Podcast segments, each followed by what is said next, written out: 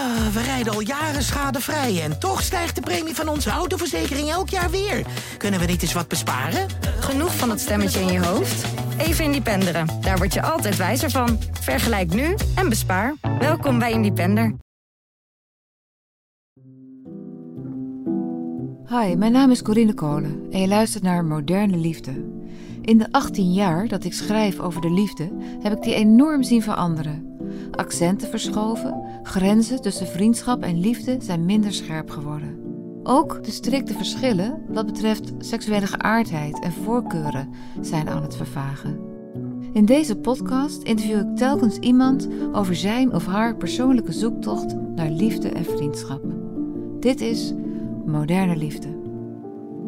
Deze week Pepijn. Ik begreep pas veel later dat hij mij eigenlijk gewoon best wel gemanipuleerd had. En mij eerst met liefde had uh, bedolven en daarna gewoon, uh, ja, langzaamaan steeds killer was geworden. Tot het punt dat ik eigenlijk gewoon afhankelijk van hem was. Want ik deed echt alles. Als hij, aan mij, als hij tegen mij had gezegd dat ik in de sloot had moeten springen, in de gracht, had ik het waarschijnlijk gedaan ook. Ik heb hem leren kennen eerst op uh, Facebook. Hij had mij een berichtje gestuurd via uh, vriendschappelijke kennis. En uh, ik zou in Leiden gaan studeren.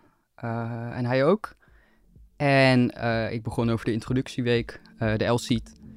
En hij zei, oh leuk, ja, daar ga ik ook naartoe. En toen um, spraken we eigenlijk min of meer af dat we elkaar daar zouden, zouden ontmoeten. Ik was bij mijn, mijn nu oude studentenvereniging. En hij was aan het feesten op een, op een, bij een andere vereniging. En hij uh, appte me met, uh, ach ja, ik wil heel graag weg. Mensen zijn uh, veel te veel aan het drinken. En toen ben ik hem uiteindelijk zelf gaan, gaan zoeken in de stad. Ik weet nog dat ik, ik mijn hart steeds sneller voelde slaan. En dat ik, ik nog de weg ben kwijtgeraakt. Het zijn allemaal hele kleine steegjes met veel te veel fietsen erin. En iedereen is dronken en het was heel donker. Uh, ja, en dat ik hem daar zag staan voor uh, het gebouw van uh, de sociëteit van die vereniging. Wat zag je voor jongen? hij was knap en dat, je zag ook duidelijk aan hem dat hij dat ook wel wist. Hij heeft Spaans bloed, um, dus gewoon, maar wel blond haar, blauwe ogen. gewoon, gewoon een soort jonge god. ja, beter kan ik dit opschrijven. Het was een beetje een flirt. Hij flirte met iedereen die hij zag en hij, hij, hij pakte de mensen om zich heen ook een beetje, een beetje in. Eigenlijk had ik eh, al heel snel zoiets van. deze, deze, deze jongen is echt heel erg uh, out of my league. Echt heel erg. Omdat ik ook wel wist waar die vandaan kwam. Uh. Waar kwam die vandaan dan? Echt uit, uit de upper class, om het zo te zeggen. Zijn ouders hadden beide bij het koor gezeten. Um, goed huis ook. Ik weet nog dat ik daar later voor het eerst kwam en dat ik echt alleen al vijf Tesla's in de straat zag staan. En ja, hij cum, cum laude afgestudeerd uh, aan het gymnasium. Um, ging nu een dubbelstudie doen, uh, natuursterrenkunde, wat ook, ook echt, niet, echt niet de makkelijkste studies zijn.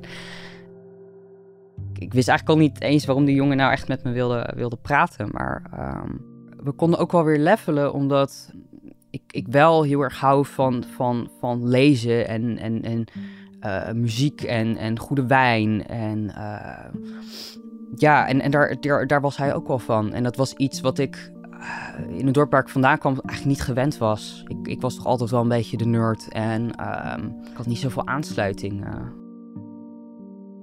Ik kom uit uh, een, een, dorpje waar de meeste mensen al best wel vroeg beginnen met werken.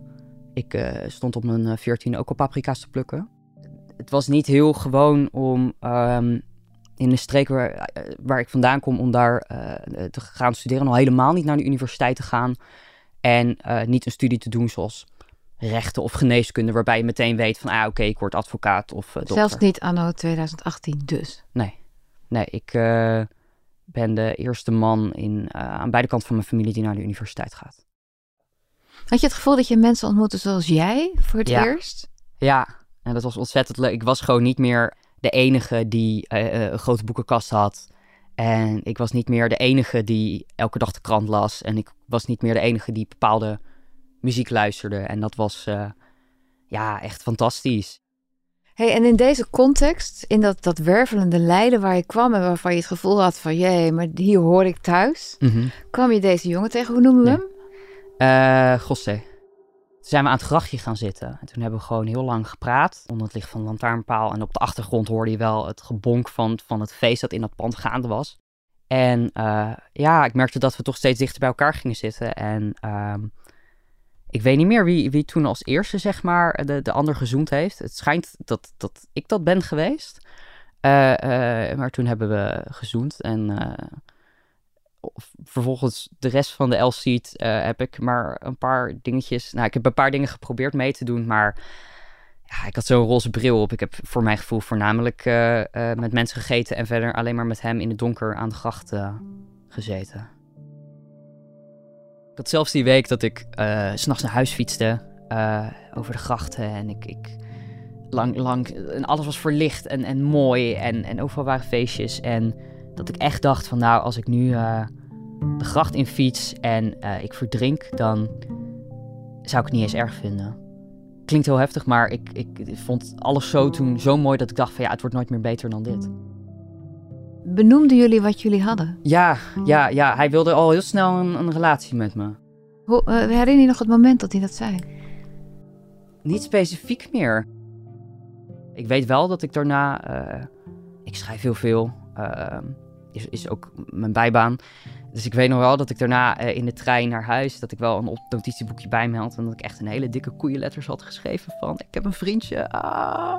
Je eerste. Ja, en dat ik helemaal, helemaal blij was, hyper de pieper. En eh, ik voelde me natuurlijk helemaal fantastisch. Want, want ik, ik, was, eh, ik, ik, ik voelde me een hele simpele, soort bijna ja, simpele jongen. die voor het eerst in zijn leven in echt een grote stad was. En ehm, ja, ik voelde me heel bijzonder. En dan vooral met het feit ook dat je dan... We gingen heel veel samen naar verenigingen ook. eh naar zijn vereniging. Ehm, waar we ook weer allemaal mensen ontmoetten die ook weer complimentjes aan me gaven. Dus ik voelde me echt...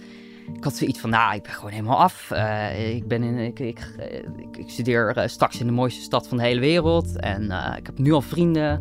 Ik heb een hele knappe vriend. Ja, nou, top. Dit, dit, mag wel, dit mag wel blijven. En bleef het? Nee. nee.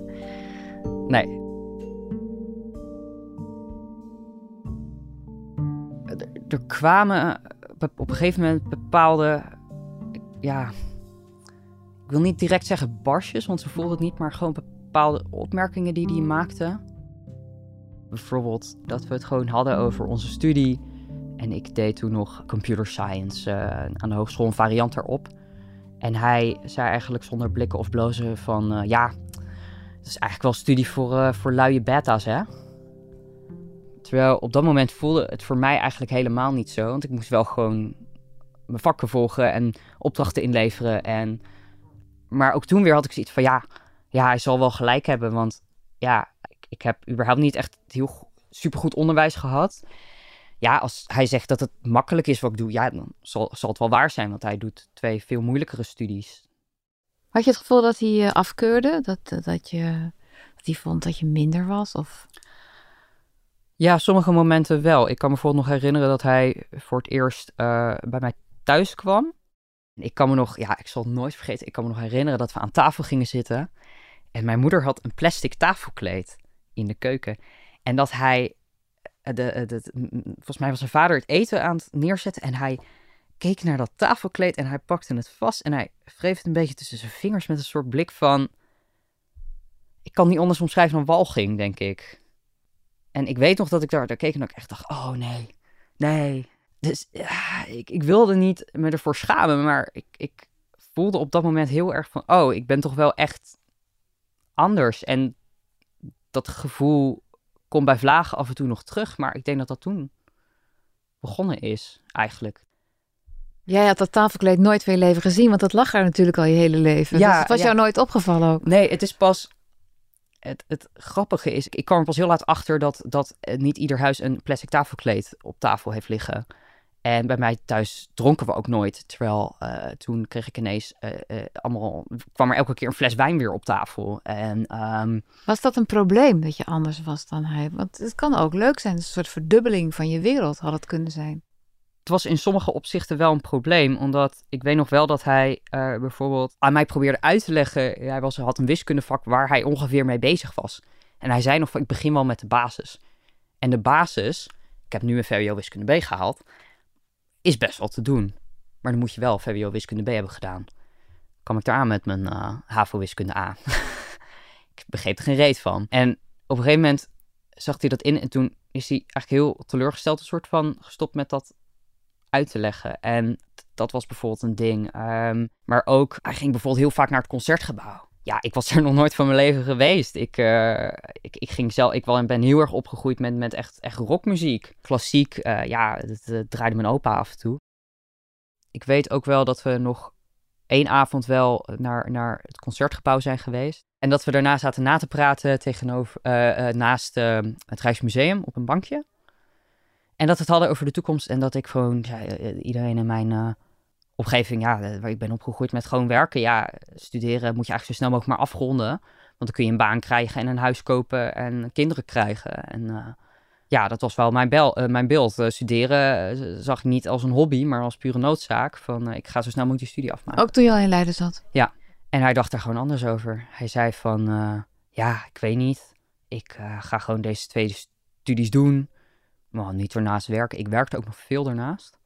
Um, ja, en daarna misschien promoveren. En um, ja, als ik daarna dan ga ik op zoek naar een baan. En als ik niet aan um, een baan kom, dan. En dat is een letterlijke zin die hij heeft uitgesproken. Dan uh, gaat uh, uh, mijn vader wel even praten met iemand van Shell of zo. En dan, dan kom ik wel aan het werk. Dat was eigenlijk wel een moment dat ik besefte van. Ik, ik weet eigenlijk toch ook niet of dit nou echt gaat werken op de lange termijn. Want je kan verschillend zijn, maar dit ging over echt gewoon verschillende waarden in het leven. Begon je op hem af te knappen? Of uh, wilde je nog steeds eigenlijk liever zijn wie hij was? Ik wilde dat eigenlijk nog steeds, omdat um, het ding is, ik, ik besefte voor het eerst in die tijd dat misschien het altijd maar hard willen werken en zo snel mogelijk een studie afmaken om maar zo lang mogelijk te kunnen blijven werken, dat dat ook niet alles was. En dat het ook eigenlijk iets was wat ik misschien eigenlijk niet eens wilde. Ik wilde, ik, ik verveelde me ook best wel bij mijn studie. Uh, ik vond het heel eenzijdig, want je wordt opgeleid voor een beroep. En ik wilde eigenlijk veel meer bredere kennis opdoen en ook dingen leren waar ik misschien niet direct iets aan zou hebben in de toekomst. Dus ja, ik begreep wel waarom die zo leefde. Want als ik geboren was in dat gezin, had ik denk ik hetzelfde gedaan. Ja, Op een gegeven moment, zo na een maand of drie, toen uh, merkte ik dat hij echt wel afstand begon te nemen. Want we kregen het allebei drukker met studies. Uh, net tentamenweek, tentamenweek kwam er toen weer aan. En ik merkte dat als, als ik hem vroeg of hij zin had om samen iets te doen, dat hij dan steeds vaker zei dat hij geen tijd had. Dus dat was het ook al zo dat kort daarvoor, um, dat was die avond in het concertgebouw. hij speelde ook in een orkest. Toen hadden wij zijn orkestgenoten hadden we ontmoet. En er zat uh, één meisje bij. En later, de dag daarna, heeft hij uh, verteld van... Ja, ik had een gesprek met haar. En zij heeft toen tegen mij gezegd dat ik veel beter dan jou kan krijgen. Ja, ik had toen eigenlijk al gillend gewoon weg moeten rennen. Ik heb er nog steeds spijt van dat ik dat niet heb gedaan. Maar toen had ik echt zo'n gevoel van... Jezus, ik ben echt volgens mij niks waard. En dat niet eens alleen voor hem, maar ik voelde ook zelf gewoon van... Ja, hij moet me gewoon niet. Ik ben gewoon te simpel. Uh, ik kom niet uit zijn wereld. Uh, ja, hij kan veel beter krijgen dan... Ja. Was dat het eenzame gevoel weer wat je had van toen je dat jongetje dat dorp was? Of was het anders? Het was hetzelfde, denk ik. Ja. Uh, echt, echt een soort afwijzing puur op mijn zijn. Op dingen waar ik ook niet zoveel aan kon veranderen. En... Maar ja. En toen was het de afwijzing omdat je de nerd was. En nu was het de afwijzing omdat ja. je geen nerd was. ja, eigenlijk wel. Je bent niet gillend weggelopen, maar wat heb je dan gezegd? Ik ben gewoon stilgebleven. Ik uh, ben uh, nog bij hem blijven slapen. En de volgende ochtend, ja, Ja, ik weet niet. Ik ben vooral een beetje in mijn schulp gekropen, denk ik. En wel mijn, die twee vrienden geappt van... eh, eh, jongens, kom vanavond naar de soos. Ik eh, wil gewoon eh, even praten. En toen hebben we het er daarover gehad. En ik heb ook die opmerking toen herhaald. En een vriend van mij die zei meteen van... Is die helemaal gek geworden? Maar op dat moment drong het bij mij niet om het door. Want ik had alleen maar zoiets van... Ja, dit is gewoon... Ik ben gewoon dolverliefd op deze jongen. En, en hij, hij moet me gewoon niet. Ik, ik was al bang toen van hij gaat me aan de kant zetten. En dat is dus toen de dag erna ook gewoon gebeurd. Want wat gebeurde er? Vertel eens. Ehm, ik zat in de tram naar het station om eh, naar, naar de hogeschool te gaan. En ik kreeg een appje met dat hij eh, ergens over wilde praten. En ik zag toen echt al wel erbij hangen. Dus ik van, wat, wat, wat, wat, wat is er? Bel me anders, bel me anders. En toen kwam toch uiteindelijk het hoge woord eruit van... ja, ik, ik denk dat ik niet verder met je wil. Terwijl ik in die tram zat, in mijn eentje. Het is de enige keer in mijn leven... en ik hoop ook de laatste keer dat ik gehuild heb in het openbaar vervoer...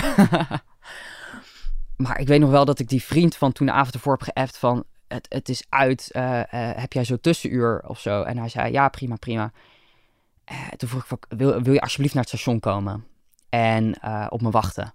En toen kwam ik zelf aan op het station door die poortjes. En toen stond hij daar al gewoon met open armen om gewoon...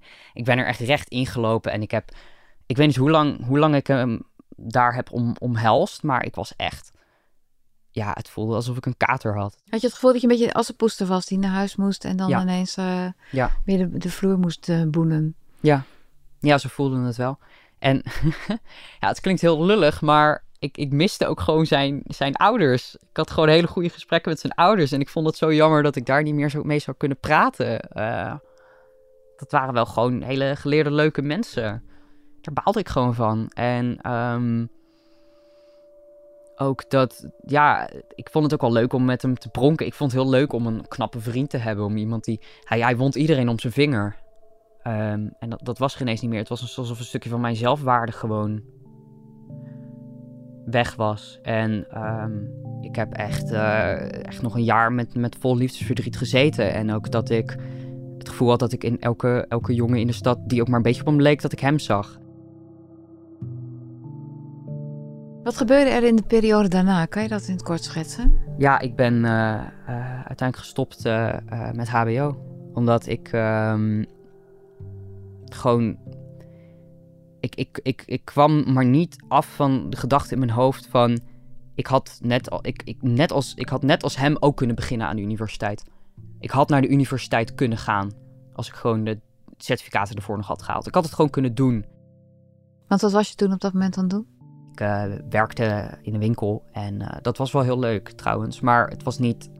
Ik zat in mijn vrije tijd, zat ik gewoon eh, eh, wiskundeboeken te lezen, omdat ik me zo, zo verveelde. Ehm, heb ik besloten om ehm, een, een afspraak te maken met de studieadviseur van de universiteit. En ik ben gewoon naar haar toe gegaan en ik heb gezegd: luister, ik heb op het HBO gezeten, deze, deze vak heb ik gehad. Wat kan ik doen om, om, om aan de universiteit te studeren? Maar toen heb ik wel besloten om het te doen. Want ik liep. Ik, ik, ik stond buiten het gebouw. En ik heb met hem heel vaak ook voor dat gebouw gestaan. En ik had echt het gevoel van: ja, dit wil ik. Ik, ik wil ook hier rondlopen, eh, mensen leren kennen. Was dat de eerste keer dat je naar binnen ging? Eigenlijk wel.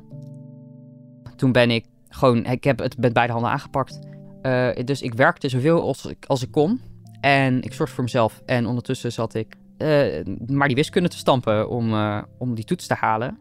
En die toets heb ik uiteindelijk gehaald. En ja, daar was ik zo trots op, omdat eindelijk, eindelijk begreep ik waar hij het nou de hele tijd over had gehad.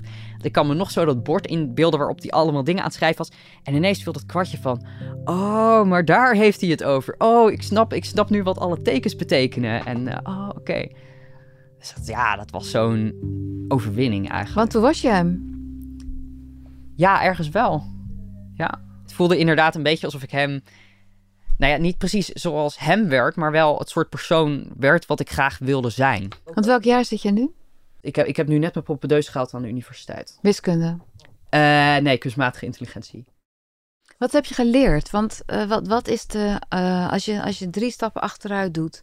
en je gaat voorbij aan alle pijn en, en alle, alle krankzinnige manipulatie van hem. Wat heb jij dan geleerd, nu ach, achteruit kijkend? Eh, twee dingen eigenlijk.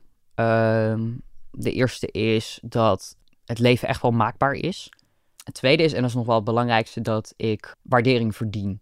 Ik verdien het dat iemand interesse in mij toont. Ik verdien liefde. Ik hoef me. Ik, ik, het is onzin om me minderwaardig te voelen, want ik ben net zoveel waard als alle andere mensen. Als de mensen waarmee ik in de straat woon, de mensen waarmee ik in de collegezaal zit. Heb je sindsdien nog wel eens een jongen meegenomen naar je ouders? Ja, dat wel. Heeft hij ook aan het plastic tafelkleed gezeten? Nee, nee. Die heeft. ehm, de jongen die ik na hem heb meegenomen naar mijn ouders, die, eh, die hielp met koken. die stond te barbecuen in de achtertuin. Ja, ja, zo kan dat ook.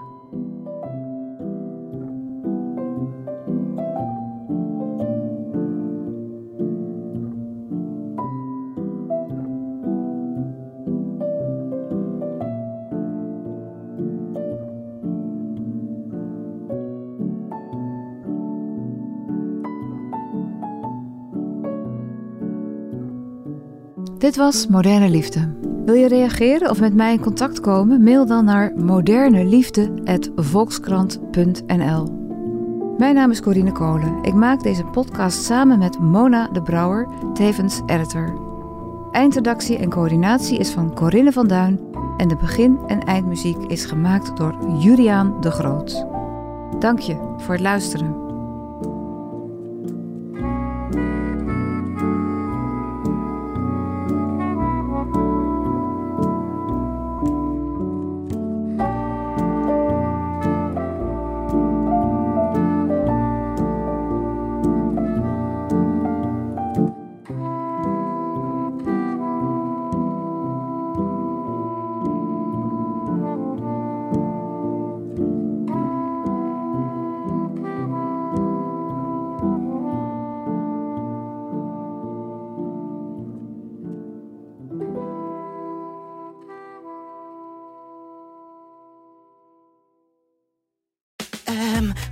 Onze autoverzekering straks nog wel bij de nieuwe auto die we gaan kopen? Of kunnen we met overstappen flink besparen? Genoeg van het stemmetje in je hoofd? Even Independeren. Daar word je altijd wijzer van. Vergelijk nu en bespaar. Welkom bij Independer.